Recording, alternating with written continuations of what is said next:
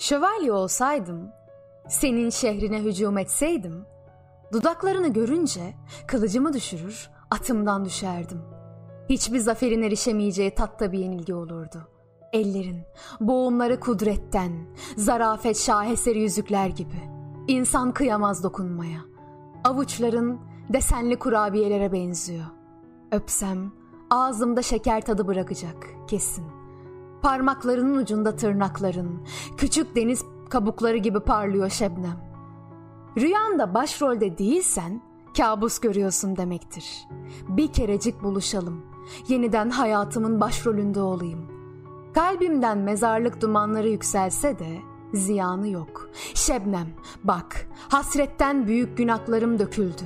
Şebnem, uçsuz bucaksız bir çayırda buluşalım. Başını dizlerime koy.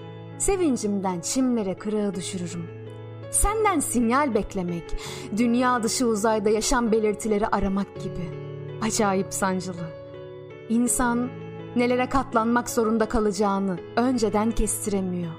Göze alacağımız risklerden, tehlikelerden çok daha fazlası çıkıyor karşımıza. Bakışların cennetin eşiğinde sorulan bilmeceler gibiydi Şebnem. Artık hayatımın normale dönmesi imkansız. Şebnem, sen saklanınca ağaçların işi boşaldı. Kuşlar iskelete döndü. Deniz pıhtılaştı. Gökyüzü felç oldu. Bulutlar kireç bağladı. Asfaltlar eriyor. Şebnem, seni özledim. İç içe geçmiş kafeslerin ortasında gibiyim.